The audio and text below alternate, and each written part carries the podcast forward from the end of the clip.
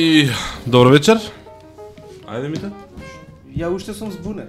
А, добро. Значи, почнуваме малку покасно, еве 7 минути и најмногу луѓе да сега имаме во студио од кога ние имаме подкаст тука. Избрав 1 2 3 4 5. Потребно броиш. 6 Шест. Не, не, не, ти че не си го броим. Ова Да. колку луѓе А, повеќе луѓе има во студио него што не слушаат. 37 37 а, епизода Комуникација.нет подкаст. А, како почнува приказкава за епизодава? Беше рано са бајле среда, ден пред четврток. и со Мита не знаевме што ќе правиме денеска во емисија, зашто ќе зборуваме, се обидовме момците кои што стојат за блогираме.мк да ги донесеме, меѓутоа не се чувствува доволно подготвен, односно сервисот свој не го чувствува доволно подготвен.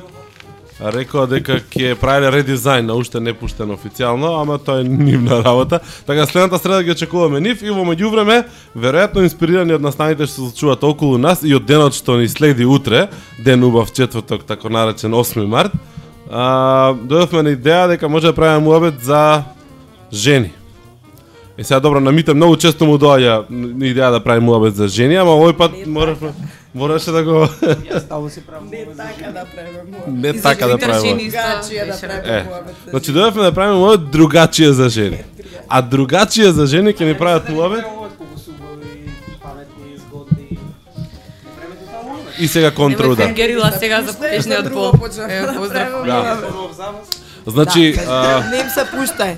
гужва, гужва во студио, рековме ај поред само да кажеме кој е тука за да не се чуете кога ќе чуете многу различни гласови. А, оние две дами кои што најмногу ќе зборуваат, дами смеам да кажам, девојки. Добро. Прашај, добро, Прашајте Твитер. ме нистиве Прашај на Твитер, на, да. на, на Твитер. Дами не сме никако. Да кажете ми што смеам да кажам за да не ме... А? Да.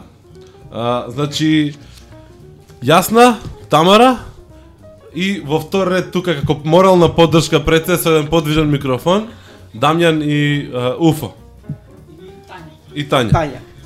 А, значи, а, ќе зборуваме за жени во светот на компјутери, во светот на интернет, во светот на технологија, во светот на програмирање, софтвер и така натаму. Ајде дали Ајде. погодив сега за тоа што ќе зборуваме. Жени, Па јас мислам дека тимата погодивме и е на место и за емисијата и за утрешниот ден. А и за нас како гости уствари би ни одговарала а. Ај, може само на кратко, чисто заради некаков бекграунд, пошто јас не умеам доволно а, квалитетно да ве представам, да се представите барем на кратко вие две, чисто за да знаеме со кого правиме мовет, за да може феминистките кога ќе не напаѓаат постат да знаат да, зошто не напаѓале и кого напаѓале. Добро. Не ја знае Тамара. Добро, Ај, Тамара. Она на чом беше Тамара ководителката на емисијата а, ЕПА, како се викаше? Ако е. Ако е. Ако е, е со чом, па да. Ема добро наукува може да греши имење, презимење, професија и Да, така. стварно, да. и да Значи, а, Тамара, добро, тебе те гледаме активист, едно друго, Твитер, се, се живо и диво, нели тоа го знаеме. Меѓутоа, а, ти у- потенцираш неколку често во својата комуникација дека всушност а, ти си програмер по струка или ќе бидеш програмер по струка, не знам до кај си сега. Се со- трудам да бидам. се трудиш да бидеш. А, тоа е една работа, а туку што разбрав јас и дека Јас, Јас сум програмер по струка, никако случајно ми се случи мене тоа во животот. Еве, завршив на ПМФ, на оваква на информатика, раб, тоа работам. Значи сега моментално сум и еве тим лидер на во фирма во која што девелопмент тимот е само составен од жени. Баш ако ви интересира. Да, и не И интересира убави тебе. жени, убави жени, покрај стереотипите кои што владеат за жени програмирки. А, и многу педантни. Ај, ај Значи, почне, да, да почнеме, да почнеме да да го одвиткуваме овој Али- муабет. Кој е стереотипот за жена програмер? Па викаат разликата измеѓу жена проко, а, програмира и крокодил е што крокодил нема бркови. Леле. Значи таа е Леле. секси жог вака. Ја крокодил не сум Разбрав. видел од дам, да? Не можеш да споредиш, а? Значи прилика тука. Добро, а, во Македонија, во Скопје, фирма која што се занимава со развој на софтвер, исклучиво жени внатре што програмираат. Да, добро не е сваќам. голем тим Добро. и разликата, што знам сега да ви ја представам фирмата, не е тоа нешто за мене. Добро да? Таа е италијански, италијанска фирма АБА програмирање. А, Има причина зашто се сите жени внатре, некој намерно го одбрал или така Па се случило? не, ама да ви кажам за тоа што е потребно, значи и посебно јас мислам дека за дата за бази на податоци и ви во претходни фирми, во пред- претходна фирма во која што сум работела, повеќе жените биле по-прецизни баш за е, конкретно за бази на податоци. Вака у, прак, у пракса за јас и го добро беше, многу ти беше на место. Скрос. Надам податоци мора да ги скудираш. Да, мораш да ги средуваш, да ги врзуваш, да ги Мора да бидеш да ги чистиш. Тоа е тоа. Па да, педантни се. Меѓутоа што не значи дека ако се искористат и ни- нивниот интелект и овакво и еду, значи едуцираност и нивното знаење дека можат да го искористат у сврхи многу повеќе него што можат мажите во IT свет заради тоа што технологија, било која технологија, било кој софтвер, која ќе представи жена, па верувајте ми дека е поприфатлив за било кој клиент кој што го слуша, неголи кој ќе прифати маж, пошто и мажите има тенденција да користат некој IT, не знам какви термини и слично, какви што помене. Зборуваме на база на некакво акумулирано искуство кое што представува средина некаква или просек, некакви не знам, можеби истражувања или или не, податоци само или не ова е зборуваме искуство. лично искуство. Искуство, само лично искуство, мислам лично искуство као жена у свет и жена у IT свет, мислам као општо као. Смеам да читам твитови? Не. Ја е искрено еднаш носев компјутер на сервис и кога го видов дека ќе го поправа жена си го вратив. Не знам зошто. Ама почест ке му го донела на дечкото тоа 100% све ќе му било ганц, тука се зирно. Добро, а, светов на софтверов повеќе го перцепираат луѓето како машки свет или и тука имаме искривена слика? Сликата се менува секој ден како што се менува и IT светот и технологијата воопшто.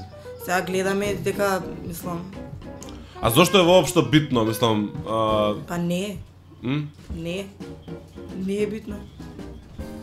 Воопшто. Што дали е битно?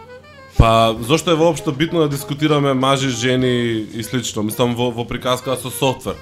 А, нели, ова ме потсеќа на онаа приказката на Newsnet а, со лажната вест дека државна администрација вработила стручњак. И па еве заради тоа што е дечкото си го однел дома компјутерот кога ќе види дека жена ќе му го поправа конкретно веројатно се, тоа. се шегува дечко, да? Да, да, да. Би сакала да се шегува.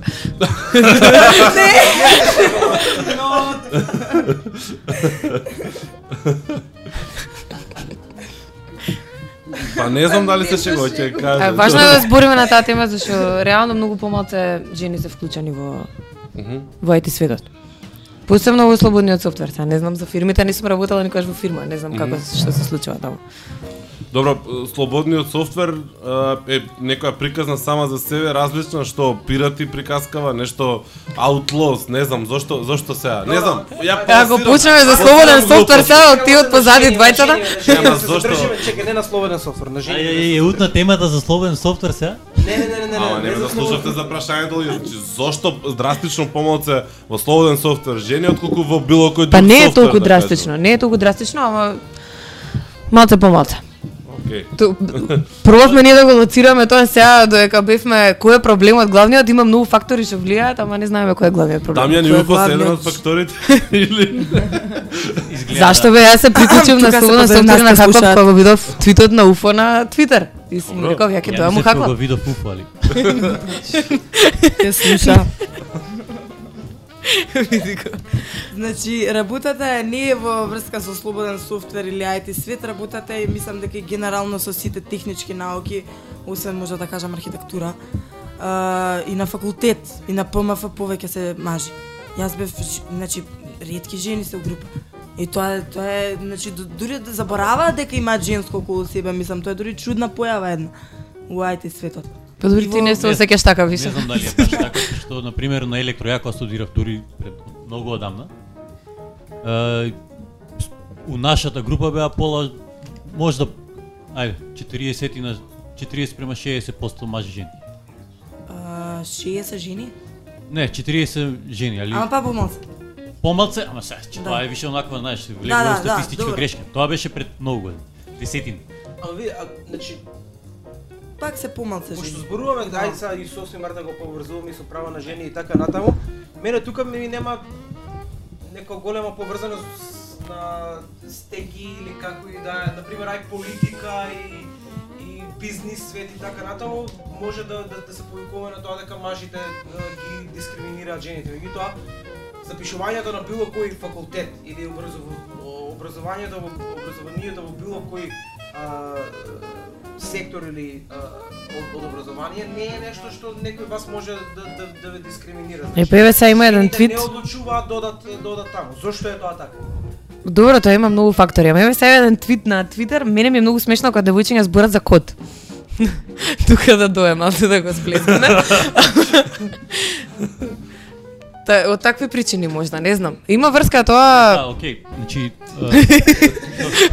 Добре, ајде Дамја. Ти баш кога нека каже.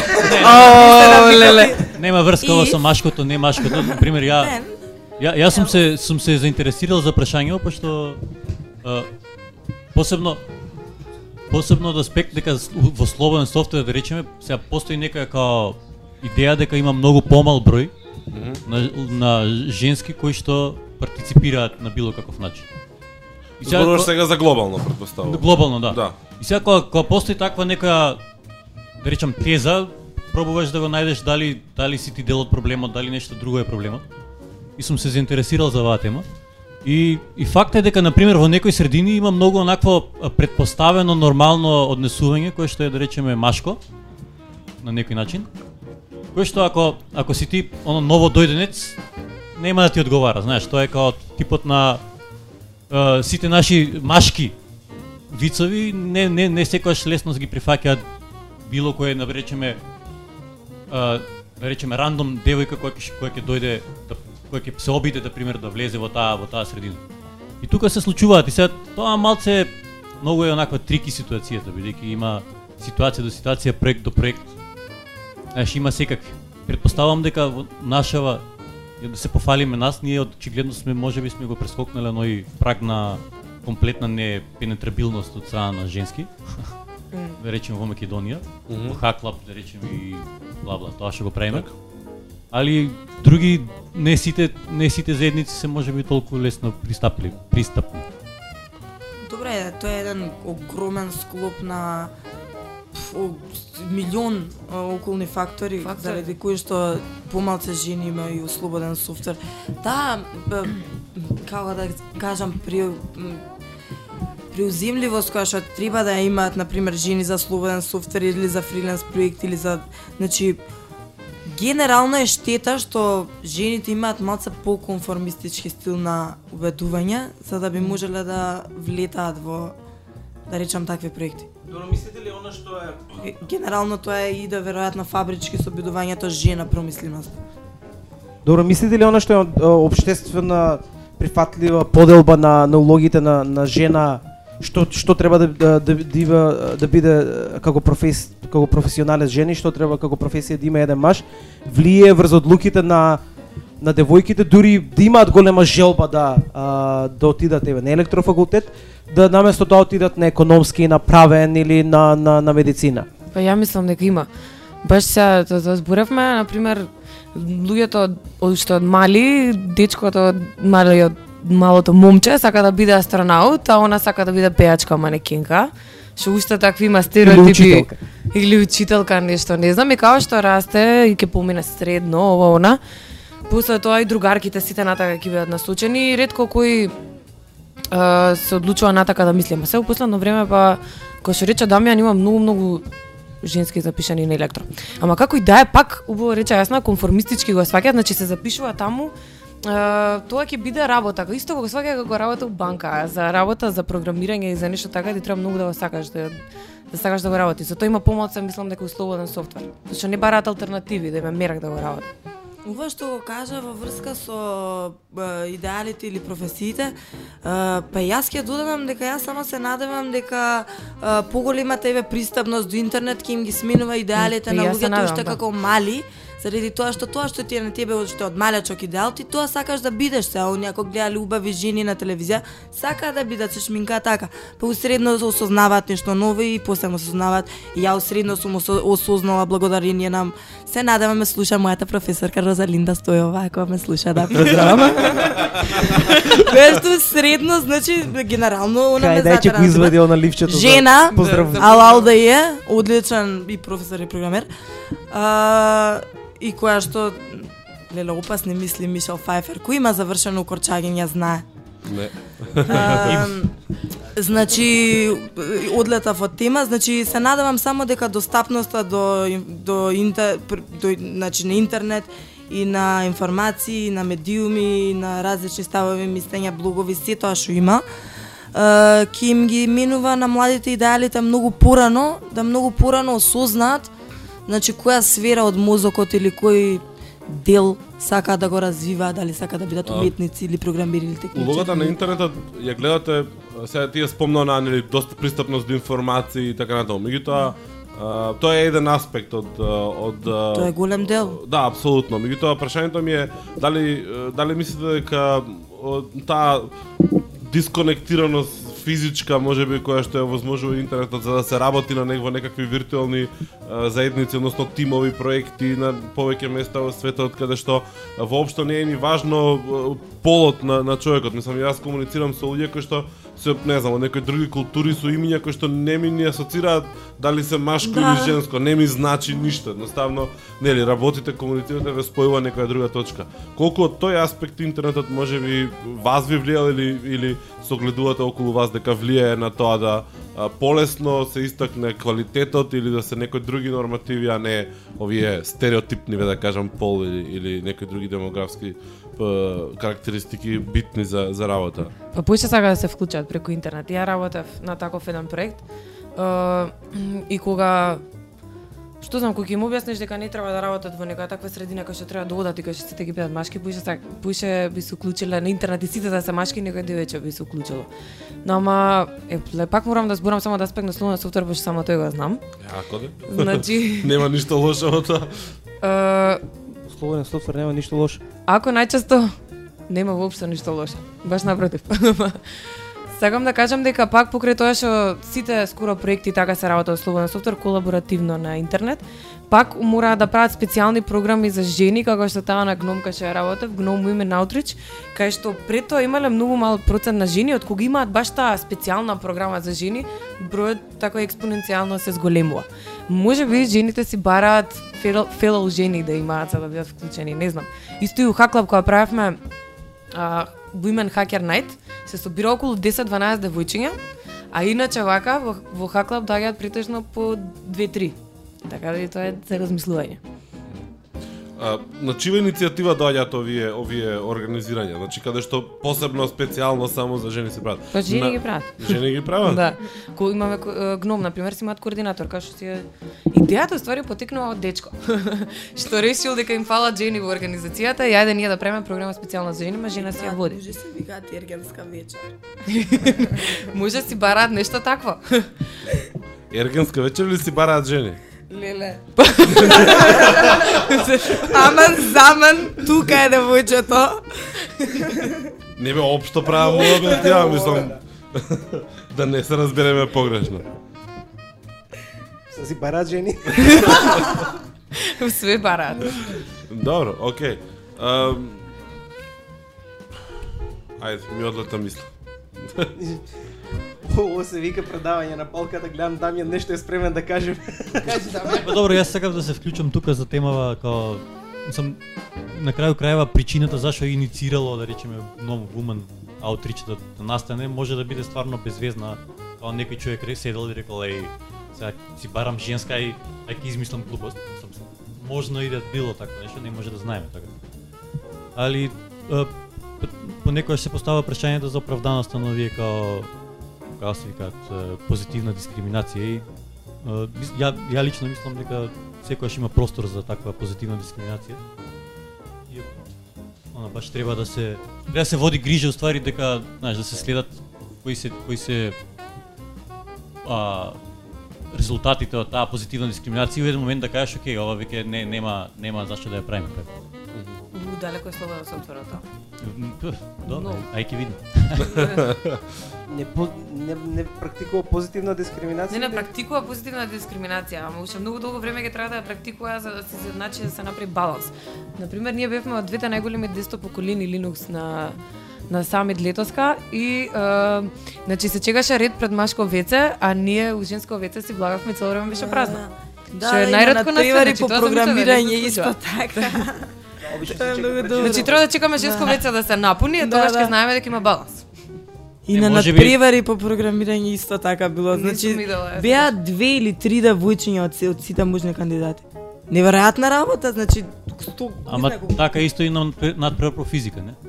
Најверојатно да, па затоа не викам, значи тоа е тоа е не е само заради тоа што жените ги дискриминираат вака или онака, тоа е заради тоа што самата конформистич, самото конформистичко размислување на жената не ја тера ни за да отиде, значи да се посвети да речеме Да. ајде на техника, на наука, на Од значи каде, значи, тоа е конформистичко. Ај ќе ќе пробаме да го смениме, да пробаме да го смениме конформистичкото размислување, треба да знаеме од каде од каде доаѓа. Не, не, не, не, зборуваме еве ако сакаме да го да го промениме. Од каде доаѓа конформистичкото а, па ти кажувам од нивните ја не можеме идеали. пров да размислам, ја никогаш мислам така не од сум нивните се идеали. не сум се Од осеќала. идеалите кои што они сакаат, значи што сакаат да бидат. Да. Не разбираш, што они во средно толку знаат. Еве, УФО или вие кога сте почнале да се занимавате со програмирање? Да, тоа е добро Кога сте прашање. осознале вие сте кога сте осознале на пример код лево десно сте почнале тоа да го правите жени, кога тоа го прават? На факултет. Ако се запишат на, на тој факултет, ако средно ги привлече нешто такво као мене, конкретно професорката Розалинда што ме натера на привари, па видов фаќала црпката, па ете. Добро, средно. Значи, пак голем, иницијативата е голем дел од твојот карактер се на се гради. Да, е па ако има, значи таква иницијатива и кај жени, значи и вие кои сте се дружеле што сте програмирале, исклучиво мужи сте земале некоја девојче? Не. Се така си е природно. Искрено па не кажано. дека не сме Не, па- сакале, нема. Не, не, реално, да, реално. девојчињата некои други секции се бркале. Едноставно тоа е, да. да. Искрено кажано, ја кога сум почнал се занимавам и да ме интересираат компјутери, не сум се дружил со никој. Значи тоа е било накво сам сам си седиш дома и Те слушаат луѓе на радио си, Да, Па ма можеш тоа- да се дружи со другите. те слушаат, знаеш колку потоа беше тоа? Па сите да е слушнаа Дамјан. И името ти го кажав, извини. Да. Добро, а, ај малку да да се обидеме да видиме да продискутираме како се портретирани, како а, може би се поема немам, физи, визуелно представени или стереотипизирани а, жените што се занимаваат со технологија на на интернет. Не знам. Сега пушти еден твит кој што прашува како е гик на женски род, гик во женски род. Ја Да, он неговиот Да. предлог е гикојца. А, ние го издискутиравме еден еден термин, мислам дека е нешто од српско-хрватски ги, гикета. Ги- Да, да. Како? Гикет. На англиски вај. Гикет? Што знам, многу Гикета. Дека кета гик си, не ми се свиѓа. мора гикет да вика? Не знам. Да, Добро, е, нашиот јазик, што Бара женски род. Бара женски род, како поставено со нашиот јазик, мора да бара... Гик,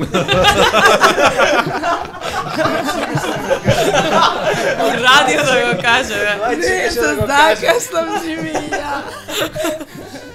Најверојатно поради тоа, и логиката на самиот јазик во кој што во кој што ние нели функционираме, бара бара да да најдеме женски род од гик.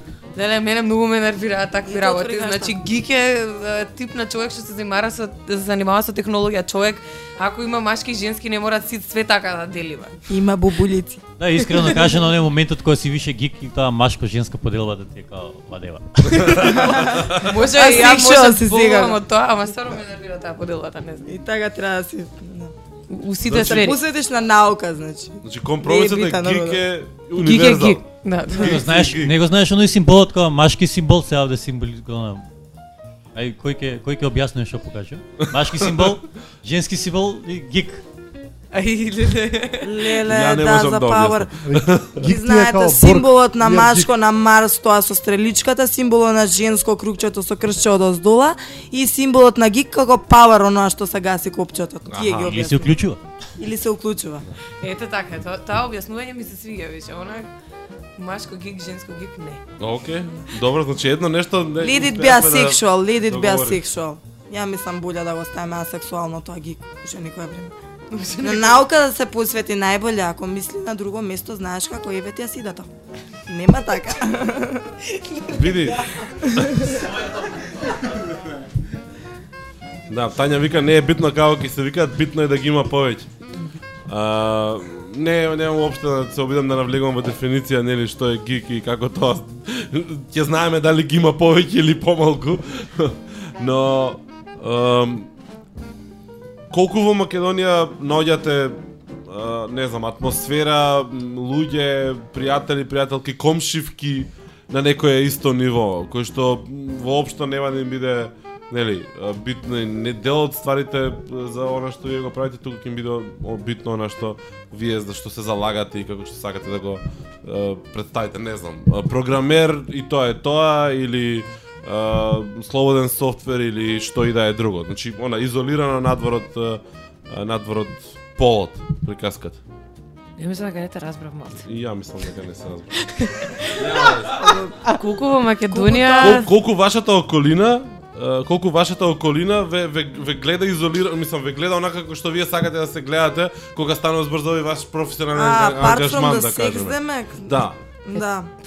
Тоа е јасно. Значи, кога може кажам да околина, кажа, не правам муабет за Facebook корисниците. Ја мене значи не ми смета да ме гледаат со се пакетот жена, мислам мене не ми смета со се пакетот жена да ме гледаат заради тоа што еве ти, моето искуство покажало дека полесно сум се снаоѓала јас во околина кај што треба да се договорам со клиент или да утнам рок или да одложам за некој ден, него ли што се снаоѓал некој мој колега, макар ми бил и изнад мене, значи супервајзор или било што друго. Значи, мене не ми смета И тоа уопште веројатно тој... ќе биде така додека не Не, не биде сакам да ме гледаат баш после кај сите ќе се ја како жена и еднакво баш или кај што? Мислам, ја на таа карта да се жена имам изиграно многу игри, значи ние сме женскиот Пофали бенд. се, Па, пофали. Пофали за па вие Па не, па, женски тоа бенд. Ја јасно се Женскиот бенд Vivid, треба да си значи- користиш тие работи кога така. Па нормално дека треба вие си ги користите своите, значи предности, својата интелигенција, својата способност ја Значи, користите. ако клиентот е машко, праќаш жена, ако клиентот Ма и да е жена и со жена. да? И со жена ќе се Жена разбереш со жена ќе се разбере побода. Ќе се разбере жена со жена. Ти треба. Сакире. Ама, значи јас воопшто не сум се побарувала тоа да биде така. Е сега од ствар на квалитет, квалитетот се докажува, има има некои стандарди со кои што се мери тоа. Така што нема тука не е тоа прашање на пол воопшто. Мислам дека Дарко поише го интересираше ствари како е тоа прифатено од вашите да речеме а, стандардна она група како другарките од Facebook корисници бе, во Не, не, се добро, кажа. да речеме, другарките од средно, другарките од не знам, од Другарките од мало. Што баба ти, мајка ти. Фризерката. Е, Шо рече татко Дико ти му рече е, ја тато планирам да бидам програмер. Мајка. Син на Доста седиш толку на... Не. Татко ми е електричар, не знам како му дошло кој знае. Стално ми долго. доста седиш на тој компјутерот, кога ќе искачаш, што ќе правиш, ми викам, бе, работам тука, да бе, ти цело време работиш.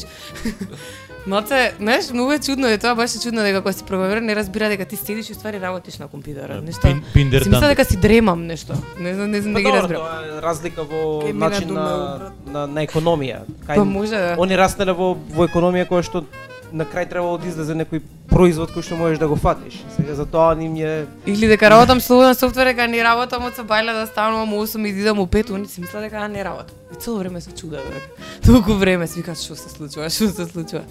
Па да повеќе да така гледаат.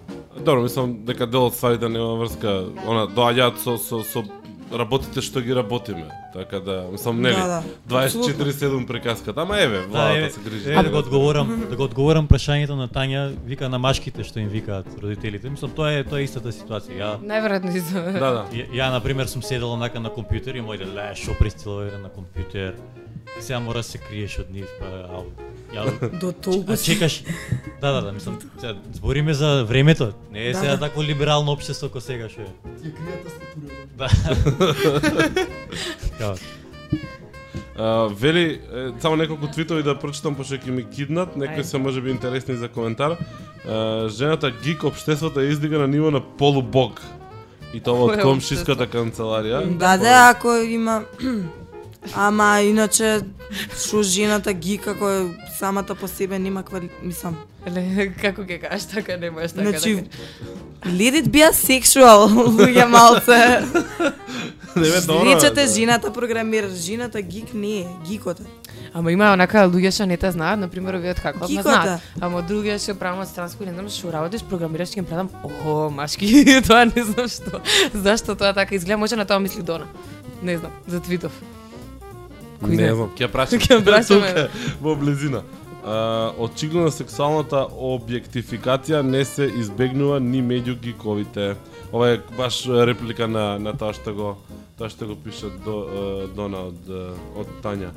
Ам, Ама и во било кој и во многу други средини а, зависно, значи еве ај во бизнис светот ќе кажете ајде да каже да беа тука бизнисмени, па ќе беа две млади бизнисменки жени кои што успеале меѓу суровиот свет на бизнисмени така или да беа не знам еве од аспект на бендови, рок бендови ќе вика еј еве женски бенд сега и овие се толку спешал. Тоа е само заради тоа што жените едноставно не избираат да се истакнат. Тоа е Да. тоа. Ашко. Да, да. Ме разбирате, Јас значи нема да. тука нешто програмираат жената па како ве гледаат. Тоа е по, значи и во секоја професија за жал пак ќе речам дека и грешно си ги поставуваат жените генерално не генерално еве има голем број случаи стереотипизирам дека си ги поставуваат идеалите на ниво на на шминка на вака така или значи Работа во глумица, банка, шалтер, обечки. Баба ми многу би била срекна ја да работам во банка, ќе може да каже Тамара работи Докторка. Докторка. Докторка, докторка. ти. Значи тоа е во зависност од и жените со во, значи тоа е многу тесно врзано во во истата проблематика зошто жените не се од значи се помал процент од врвните професионалци и научници. Така? Значи тоа не е само проблематика на IT свет, тоа е проблематика на на Апсолутно. успешна жена. А, добро, причината Само пред- зашто а, Сам, за Тамара проблемов тука да го решиме, значи можеш да се вработиш во некоја банка во IT сектор и да го решиш. Ем, ем ти среќна, ем баба ти среќна. Што работиш Тамара во банка се вработи бабо е журка. базата ми одржува баба, ако ќе ако не е проблем. Да, а, добро, мојот ми беше па добро, а, нели, А, ова е одраз на она што го зборуваше јас на баш на, на, на цело општество, така и во Да. бизнис, така и секаде. Не, во, на цел, на апсолутно. цело убедување, значи, Така. на цело убедување, еве, на, на голем број луѓе, еве, и на постари генерации, вие ќе слушнете, е, што убаво се омажи, па дете. Да. Као до, тоа да е врното достигнување. Например, еве, јас сум ми кажала, отидеме натака. и на баба ми, јас треба да направам толку и толку нули, и после, кога ќе го достигнам, тоа ми е достигнување, и стани ова, е, тогаш ќе идам на наредна фаза да се смирам од возбудата. Значи не е тоа достигнувањето истото на кое што им застанало нивото на луѓето пред не знам 30 години. Добро. Прашањето ми е следно. Значи, Значи, значи, ова, отма ова е некаде сега горе долу се сложуваме дека ситуацијата е таа. Значи во светот девојките или жените во во светот на технологијата по ништо друго не се раз, разликуваат Да, од оние да, останати. Не, Не, Прашањето ми е дали прашањето ми е дали во IT сектор, во техно во, во не знам, светов на технологијава, интернет, наречете како сакате. А, може да очекуваме или треба да се надеваме дека жените ќе бидат малце по-прогресивни, по не знам, по-храбри да ги преземаат тие бидат. чекои, да бидат, Така. не знам, лидери да да да идат понапред. Во, во споредба со нека друга индустрија, друг сектор може. Па т- аналогно со тоа што го збореше Тамара дека и жени се вклучуваат у проекти и ова и она, значи само треба да, да има еден тригер. кој што ќе Тригерот е многу битен, да. кој што ќе повлече значи една нова генерација на гледање идеолошки на целиот на целиот концепт на видување жена како пол. Океј, само една мала дигресија. А, ама дечки со со Боријан во студио ваква романтична музика не пуштавте која е оваа дискриминација. Леле. Истата музика да музика. Што Истата сака да ви? Стварно, ја не слушам. Е- е Истата музика одеше, значи од, од кога пос не од кога постои, пушта музика, не знам. Четврта, пета е, е, епизода од од не е од прва. Е од втора или од трета, првата ја немавме. Втора или трета, значи Селективна оди ова, перцепција. Нема врска. Селективна перцепција викува. Борија многу викавме у студио, не ни се слушаше музиката за тоа. Да, ама уствари тоа да кажува дека дека темата на разговор влие на на на она. Нема хейт, погледнете ги, погледнете го Twitter стинот, погледнете го нашиот муабет. Не знам, луѓе очекува да ги се фатиме за гуша сега Да, зашто да се фаќаме за гуша? Ама е, не он, он уствари були Па очекуваше. на повисоко ниво, јас мислам дека Чи дуа зна- направиме муавет. Не, тоа значи не дека дали се позиција. були жените или Мажите. мажите. позиција, да, не. Мислам да да се степаме. Не, па не знам, извинем ако дојдовте со машки Не, ама тука знаеш- онака група цела си кам Уфата. чекај сега. Офанзива. Уфо ќе го пуштиме специјален додаток на емисијава, на после 15 минути Мудро сам со микрофон. Junior репортер. Ме плаши со лаптоп е во рака кој знае што ќе направи. У секој, у секој случај има интересна таква нека Чи, пред- предпоставката би била дека во свет кај што комуникацијата е комплетно недиректна, значи во интернет светот, така. Што ти комуницираш со псевдоним практично. Да. Да. И предпоставката би Зашто била дека во таков некој свет би имало колку толку подеднаква нека а, Точно, точно. она подел, поделба измеѓу машки и женски или барем во нека по блиска она Добро, ама ова не е од вчера, ова е 20 години назад и повеќе. Зошто, кај сме зашто тоа би било така? Ако жените како што вели јасна, по правило се конформисти и не ама не да цилата- како правило. Не е по правило. Не се поправила. Ама Можеш да не, друго е сега ти да збори. Сега збориме за професии или збориме за слобода на говор на жени и маши, за зување и делување. Пошто сега ги измешавме темите, ако збориме за професија и за конформизам и за избирање на струка или начин на живот, да Добро, кажеме, зборуваме сето за, е, на пример, онлайн... тоа што говор, сакав- Не, не, не зборуваме за слободен говор. Тоа е веќе Не, со не, зборуваме за слободен Тоа што сакав говор. ја да кажам, дали уствари ние дури и покрај тој напредок, да речем, во начинот, сам напредок, ај, или во избегнување на таа директна комуникација, тој значи комуницирање со псевдоним кај што не е битен полот, джендерот и така натаму. Уствари и покрај таа придобивка да речеме, но во време сепак не сме успеале да се одвоиме од товарот на старото време кај што на жената е практично наметнато дека ќе се Ма однесува на еден тежи начин, од генерациите пред нас. Суптилно се осеќа. се тежи Види од кога кога пред кога не можам да утврдам дали на пример е на Твитер или порано кога кога беше популарно блогирањето во Македонија, премногу популарно кога беше, а кога не можев да утврдам а, дали некој е а, машко или женско а, според псевдонимот или никот кој што го има избрано, а, секогаш врз основа на тоа како пишува и како комуницира со другите, сум имал а, сум градел некаква представа за за луѓето дали се ма, да, дали, дали дали е машко или дали е женско. Многу често сум сгрешил. А, што само да кажува дека а, тие што ги имаме обштествени предпоставени начини на на комуницирање и на однесување на одред на на одредена личност а, дека не функционираат кога кога некој ќе ни ќе ни стави еден превес и нема да да, да можеме да видиме дали зад превезот има машко или или женско. Мало интермецо може? Новиот iPad има HD Retina дисплеј, A5X Готово сега.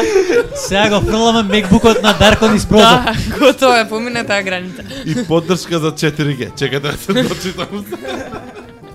Не, не. Новиот 329 кернел има Сега дека го каже Кернело ќе помине цела емисија. слободен софтвер Troll Wars да отварате, не отвараме таква тема, немој никако. Јас сакам да искоментирам нешто за Тања, Тања мислам дека малце погрешно не свати, дека сакаме да кажеме дека жените се неамбициозни. Мора да, да кажеш што кажала, пошто сега не сите знаат. Аха. На Твитер што Тања вика, вие сте излегле надвор од рамките што општеството системот ви ги поставил, не треба да се збори дека другите се неамбициозни и постава прашање дали мажите што се гикови станале тоа како резултат на тоа што знаеле да се истакнат или биле многу амбициозни. Тоа амбициозни а, не во смисол дека жените нешто помалку сакаат да се докажуваат, туку дека средината таква ги прави. И стереотипите што Не, владаат него во дека средината. имале едноставно тригер меѓу себе на Да, некој тригер начин. меѓу себе, тоа Значи, и додека сме, еве, тоа е едноставно погледнете околу себе како тоа се случило. Како некои луѓе се издвоиле на таа професија, некои се издвоиле, кои си биле уши у средно гигчиња, како тоа си го правеле. Значи тука многу помалце биле уклучени жените заради собствена волја сега. Јас не можам да кажам дека тоа е заради тоа што сакале да бидат повеќе добри програмери која не е така. Значи тоа е едноставно начинот на кој што они се повлекле за да преземат иницијатива.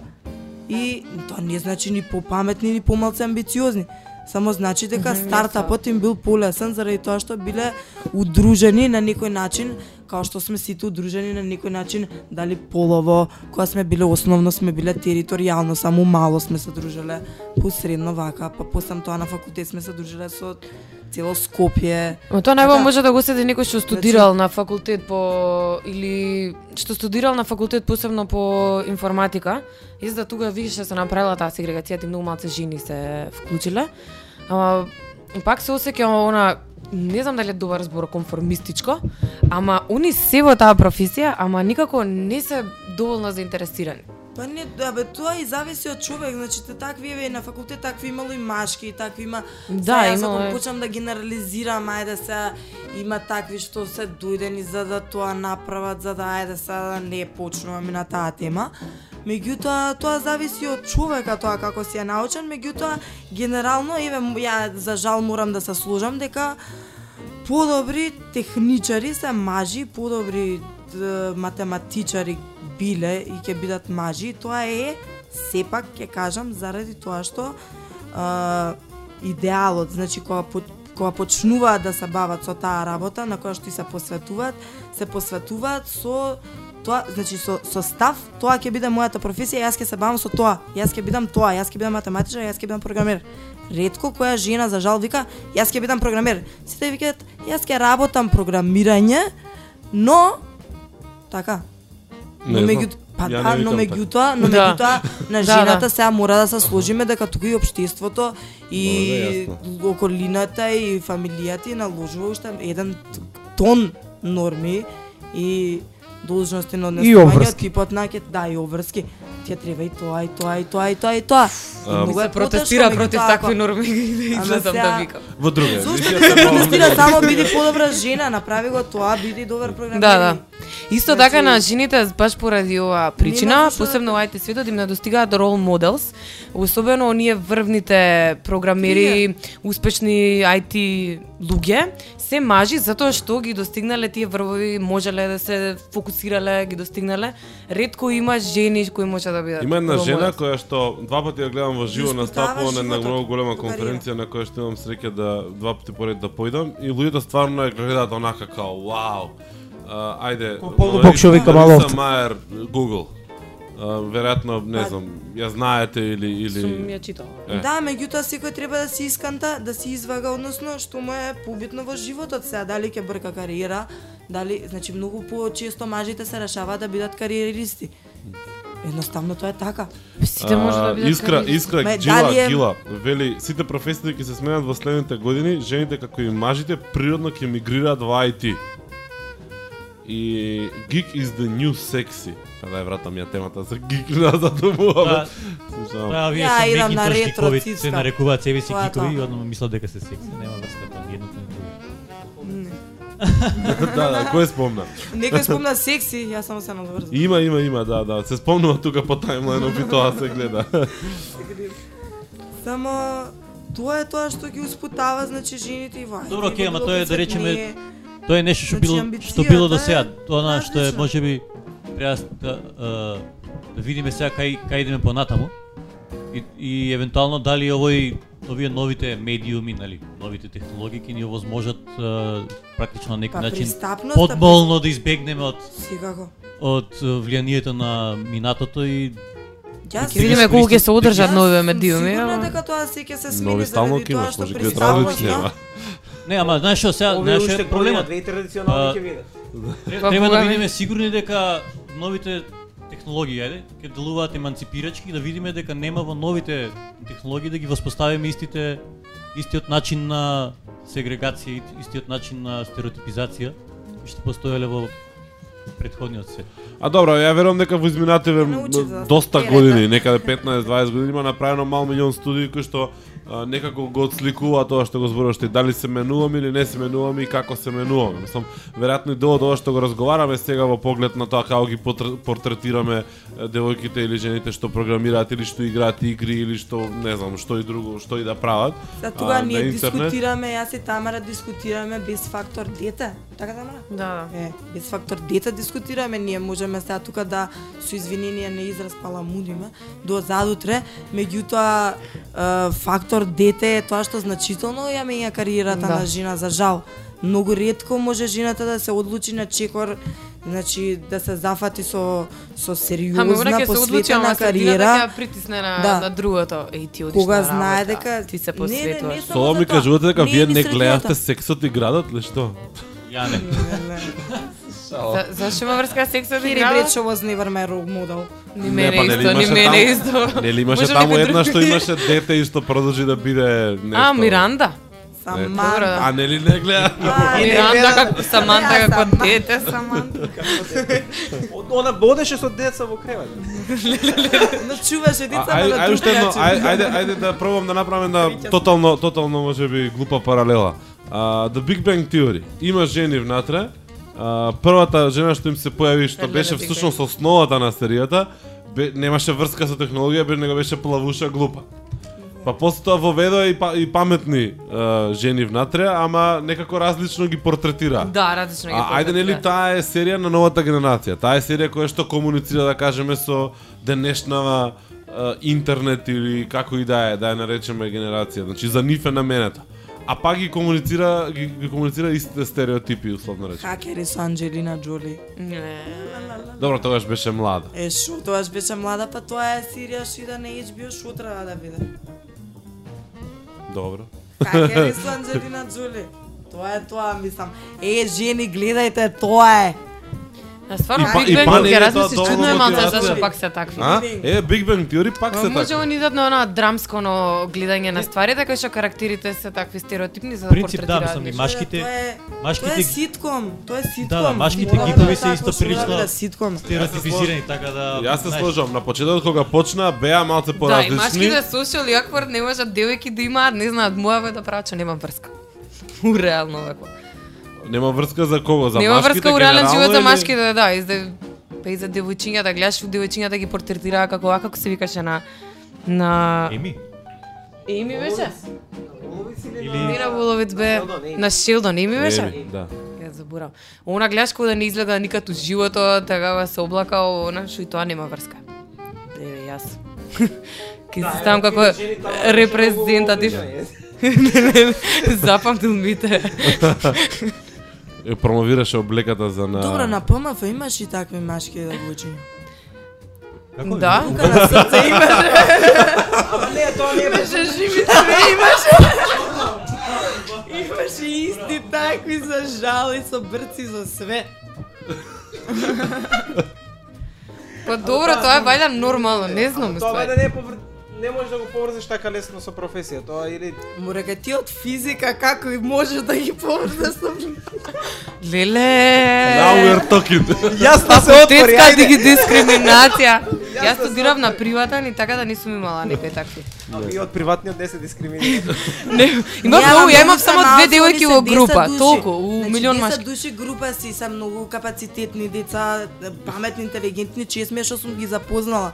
Значи неверојатни капацитети стоидење на надпревари, зимење први места, со олимпијади, освојување. Е, штета меѓу нив немало девојче.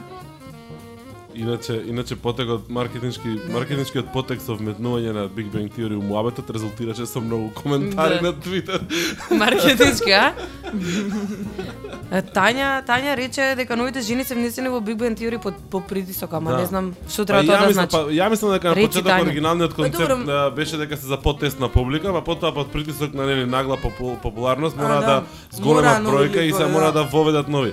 Ако ги Ама- поглед ако ги погледнете и сцен- сценаријата по, по последниве да кажам сезона 2, се многу поопшти, многу помалку на хардкор гиковски муавети се имплементирани внатре као тип на шеги и слично. Така да они стануваат новиот Friends со тоа што се спомињаат некои ствари кои што се секојдневие за нас денеска, типа Facebook, Twitter, Foursquare и не Да. знам што друго. Мислам, а, така да а, баш она, а, нели, Не а, одржа во живот некако, мада да одржат во живот со ист карактер, пак што внесоа Шилдон, женската верзија е Еми. Не разбрав Како мене пак ме интересува. Не знам, јас си ги гледам. Big Bang Theory. Да, добро го, го направија и по, значи јас имам читано некаде дека Big Bang Theory го направили по приемчиво, да речеме, е, тоа смарт is the new sexy и целиот тој Дај муавет дека околу имало гиг притисок исто поише технологии. луѓе за технологија да се заинтересираат. Да, да. Некако, некако. Имало некои такви студии што е за Linux како- особено, пошто нели имаше и спомнување нешто. Па да, они Linux користат таму. Да, да, да. Користат Windows. За разлика од некој во студиото. Да, еве ја моментов на Windows 7 на компјутер студиото. И те чешаат прстите. Притисокот беше зашто единствената на жена што има... Да, значи притисокот беше зашто единствената жена што ја има во студијата беше ужасно стереотипна. Има има на линк Еми е секси и слика. О, да, колку да, не е секси дека слика, да. Што колку не? Не е секси слика, да? Еве ги ја покажа. А, Добро, симпатична е. компромис, мислам дека беше. Добро си. Ајбе не бидете леле за никаде сте. Не е толку Не лошо шо. пузнам, абе не е толку лошо, него како старинска облека. Бота пофали Една Тања причина дека Дамјан е смешно. пофем феминисти од, девојчиња. Тапа сте вие женските сте, тапа феминисти. нема врска. Ние мажите какви пошто ние се посветуваме на нешто кога сака. Неко вас конформисти. Леле, леле. Ја мислам дека ова е единствената емисија кај што жените се пома она по, испаднале на крај помалку феминисти од мажите, ама не Да, знам. фу- феминисти жените имаат Следна емисија Тања да си ја тенденција викнете затоа да ви објасни го да да голема. Со со со фем. Дарко, Со фем, жените да. имаат значи тенденција на самокритика многу поголема од мажите, исто така жена на жена критика и тоа го знаеме сите.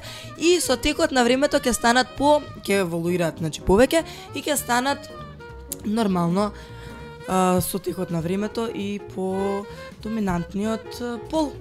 Веле тоа. доволно времено се. Е, малку жест, жестина на крајот седат? на. Па Не, добро. ама, мене ми е еден феномен. И ни одговара да го мислите дека не спомнам доминираме. Facebook.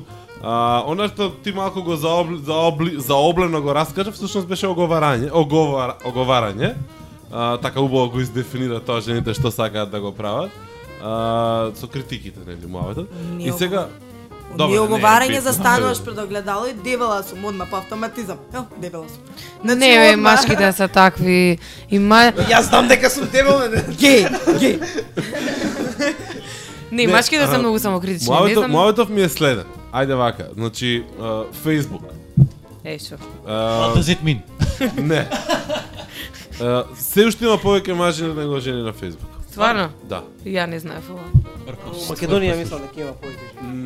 Нема, нема, мислам дека нема ни во Македонија. Ама унаград никако Бркаат девојки. Добро да се. Ајде коментар на тоа. Мислам она баш без вез. И па јас знам еден куп што има отворено и five и Facebook за бркање женски шо. Или лажни профили, да, да, стоки. Не знам искрено кажано. Ова е. На Facebook имаш све и свашта, така да дека има нека Да. Посебна подолба. Нема.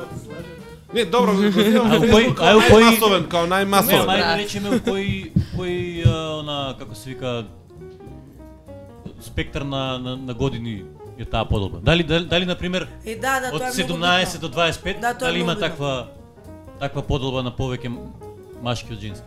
Вие зборете нешто друго, Најверојатно ја е кажа. Најверојатно ја качуваат а, Знаеш, пошто може би сега имаш луѓе кои што се постари, машки да речеме, кои што од X причини или не знам, сега она Да, да, да, лупета. се сла... д- тоа држи. А на што иницираш Дарко дали има повеќе машки или женски? Не, на што и Што што сакаш да кажеш? не Што сакам да кажам, сакам да правам коментар, значи затоа што Како кореспондира тоа со- го земам како како некаков И на Твитер колку малце жени имаше порано.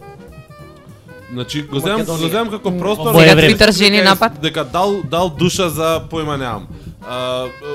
А, прај- праење муабет за слики, за коментари, за условно речено, ајде сега ќе го наречам лигавање, ако нека ми се нафрлите на тој избор. И некако ми изгледа повеќе дека Кој женски медиум. А? Женски Ми медиум. изгледа како женски медиум. Знаеш, е пошто пошто кога велиме Твитер, велиме комуникацијата е спартанска и тоа апсолутно не асоцира на некакви по, не знам, сурови, да кажам, клешови, дуели, whatever. Не е ни битно. И сега, по таа аналогија назад, ич не ми се нафаќате за тоа, не, не стојам цврсто на тоа дека е баш така, а по таа аналогија се навраќам дека Facebook ми личи повеќе на женски. Pinterest, ајде, нели беше е, испадна као прва, Интерес е хипстерски.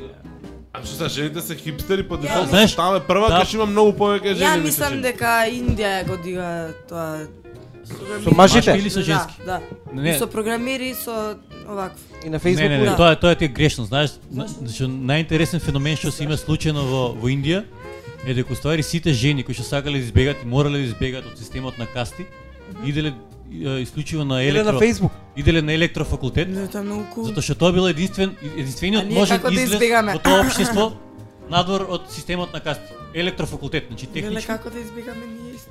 И, и на пример во Индија имаш скоро 50-50% на студенти на електрофакултет.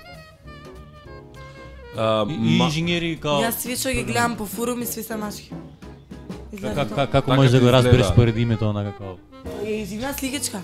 А, Што? сток а, фото. тоа може да што полесно поминува кај зедницата ако мислиш дека е машка.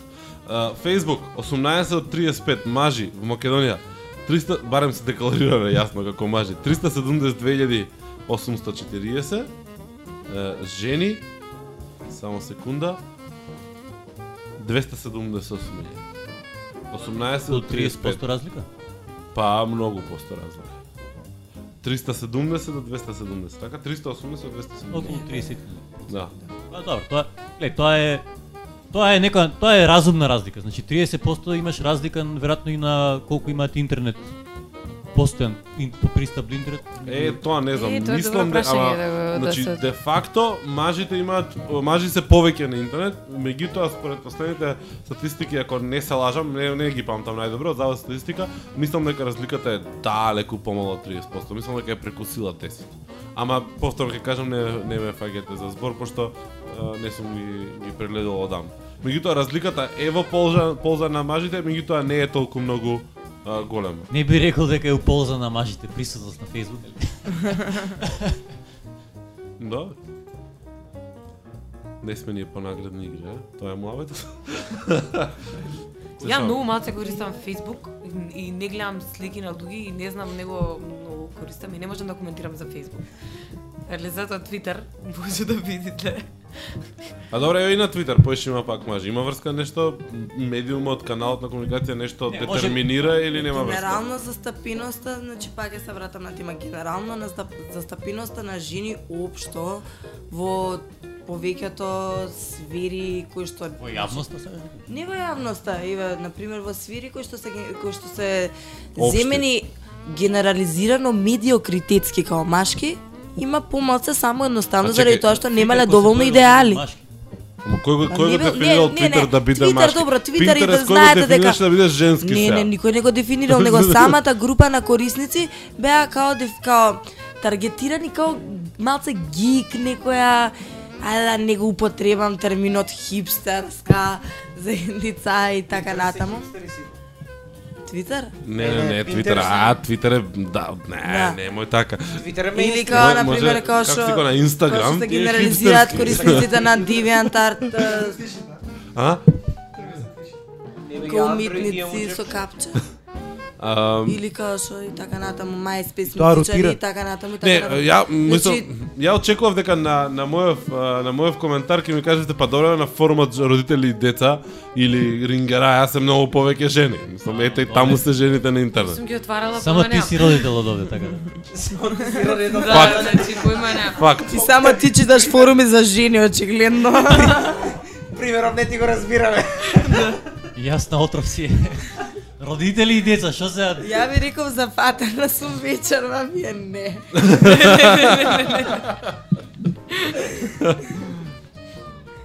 Деца или? Значи, генерално за стапиноста, сакам да кажам на жените, генерално вака и у, општо и у меди... Ај, у медиуми не толку, меѓутоа во заедници, во, како да кажам, во гик, кланови, слично, Twitter комјунити е помала заради тоа што едноставно немало а, О, о, такви а. такви идеали, такви. Ова е интересно, ти сега уствари детектира дека сите тие ствари се кланови или некои кругови, ствари сакаш да кажеш дека Па се жените некоја комју... се некоја комјунити, ајде да кажам, а, навики на животот. Може така да ги наречам. навики на живота и Абе, на секој кафе, сервис на креира комјунити, видите жени во Твитер. мажи. Што правиме на Твитер? Си правиме комјунити, дека бргаме све што се политичари, ова на ним даваме право на глас на Твитер, што вие. И си, и така у некои ситуации жена во вистубаци може исто да биде причекана, не знам. Добро, што е, е што би можеле да извлечеме како поента заклучок? Како можеме да ги да, Да се више договориме. како- Ово ќе си сега ќе си праша како можеме повеќе жени слова да се отврат да донесеме. Што можеме, што можеме да што можеме да извлечеме како заклучок и што мислат Јасна и Тамара? А, што треба да направиме за да ги привлечеме? Значи очигледно има се повеќе и повеќе жени кои што се интересираат за технологија, се запишуваат на технички науки, дали е тоа компјутер сајенс или физика, не е битно. А, што можеме да направиме повеќе да ги инволвираме во тие кругови, тие заедници кои што се бават на некое повисоко ниво е, со тие проблематики. Ја мислам дека треба само да ги информирате доволно. Да, И тоа е тоа, да ги да информирате доволно. Значи тој кој што сака тоа да го прави, мене никогаш не ми сметало дека имало повеќе машки, јас дури во времето кога идевме на например, само јас бев женско. Немаше друго девојче. Значи од кај нас од школи што идевме по струмици, значи само едно девојче јас. Толку. А мене тоа не ми сметало баш зезање фино, не дека нешто сине машки таму кој знае што ќе те направи, што ќе не направи. Само треба да се инволвираат, да се информираат оние Британија. кои што го сакаат тоа да го прават, ќе се издиференцираат и ќе го прават тоа без разлика се. Ја мислам треба поише можности да им се оствараат и поише тригери да се пуштаат. Значи, да. јас как, јас да, пошто во Како животот, например, еве во животот како докаже. иницијатор, е, например тие што ми биле поблиски другари, пријатели, значи сум нашла некаков начин да ги информирам за некоја сфера, меѓу која што и например и у програмирање исто така. Сум ги заинтересирала и за тоа. Ако го одговоривме битното прашање, може да завршуваме емисијата или не го одговоривме што е Не го одговоривме, значи не, ја, значи не е прашање. Не е Уште, уште нема жени, Не може кај? жена последна да го има збора. Е, да се нема. знае кој има збор. Не бе, Ако, ако. не бе, Мите ке каже нека. Ама Поле бите да како ми. жена. Јас, јасно ти си имала шанса и си не си не, не си имала да речеме можеби пречка тоа што веројатно е прес, прашањето е дали во овој наш свет, сега зборам светот на словен софтвер, РАУ, Хаклап у Македонија и така натаму. Дали во овој наш свет ние сме генерирале некои пречки за кои што ние не сме свесни сега како машки овде? А што е спречиле некој женски, на пример тебе зашто те спречило да доеш у Хаклап да хакираш? Па не ме Кое мене не ме спречува да дојам да хакирам. Да. Немам време. А инаку не Just дека не lazy, сум окей. дошла не just lazy, just working. Ама не дека не сум била, сум била у Хаклап и сега утре ќе идам баш тоа му најавив на УФО, конечно се припремив. Меѓутоа еве јас а, па кога те- кога биле па помалце активни на пример женски на на у средношколски денови, јас па тогаш бев многу поактивна на пример конкретно. И се заинтересира, на пример, еве првата го у втора година бев ја. У трета година беа уште три од мој клас. У четврта година беа више 10 од наша школа. Добро, Ја мислам дека си- многу битно да се постави Ама позитивен ти тоа пример. ти тоа на електора на ова на она, п- значи ги заинтригира, ги заинформира што треба да се направи. Ја да се јас- пример од Девојчето, Тамари и јасна ги ставаме како позитивен. не као позитивен пример, него еве Дамјан фати си девојче. Галерија. Си фаќа девојче, на пример, и си седнува со незе, чека да ти покажам Да. многу е кул. И ти уфо, чека да Ја ти тоа го правам кул. време више. Не ти, девојка ти нема или- да стај Linux, ти ги раскинеш тоа на што личи, на ништо не личи. Машки с нега си се снајде. стики раскинеш. Не треба тоа така.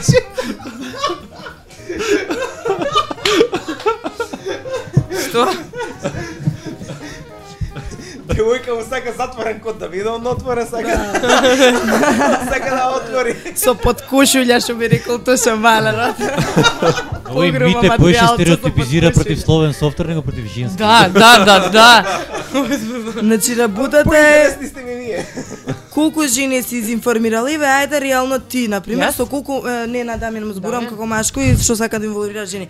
На колку жени си им направил муабет ти за за програмирање, на колку си им направил муабет за нешто мачење. Нешто друго сосема што нема врска со програмирање, а на колку мажи си им правил муабет за програмирање. Така? Сега вака бројка не можам ти кажам, ама Да, ама генерално повеќе кој си сакал да инволвираш, кој си. Не правам разлика. Барем Значи- свесно не правам разлика, и па си инволвирал жени? Ама искрено. софтвер. Па еве Тамар. Јас. Тамара, а си инволвирал мажи?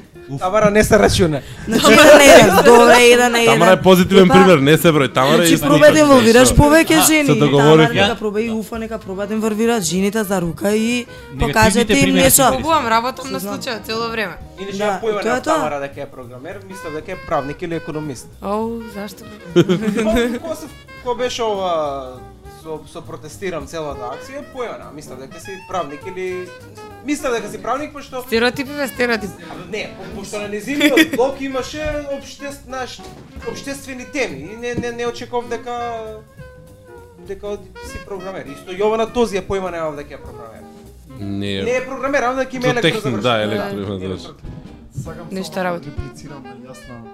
Леле, И да завршиме после? И да заврши. Ако сакате. Да се заврши. вршиме конечно, ајде. А, Значи, тоа Жена ќе што викаш, инволвирајте ги луѓето, информирајте ги, мислам, девојките конкретно, жени, така? Тоа е оно што ние го правиме и мислам дека доста уш, успешно го направивме у последнава година и пол. А, заедницата за слободен соцер како пример ќе ја земам пак. Мислам тоа е тоа што го знам и за тоа можам да зборам. А, допред а, една и пол година имаше жени кои што беа инволвирани, кои што помагаа во одредени активности, но не технички работи. Од пред година дена а, почна значи со Тамара, искочи еден конкурс во кој што се бараа жени програмирки. Јас напишав блог пост кој што се расшири на Твитер, на Фейсбук. Тамара ми одговори на милот, Тамара дојде, почна да работи на тоа. После Тамара дојде уште две-три девојки кои што се јавија на истиот оглас и сега имаме веќе значи две-три девојки кои што се активни, кои што работат нешто, научија многу. Еден купче ме контактираат на мејл. Па значи тоа е мислам? Значи работата ти си еден не од се- Тамара, не Дамјан. Да, ја видов тви- твит од Уфо на, на Твитер. Не е ни битно на крај Имаше крајот. блог пост напишано. Не е битно кој ја додал, Извини, ја извини. добија Тамара, бе, тоа е Сакаш да кажеш сега блог постот дека таму работа на терен и боле, а?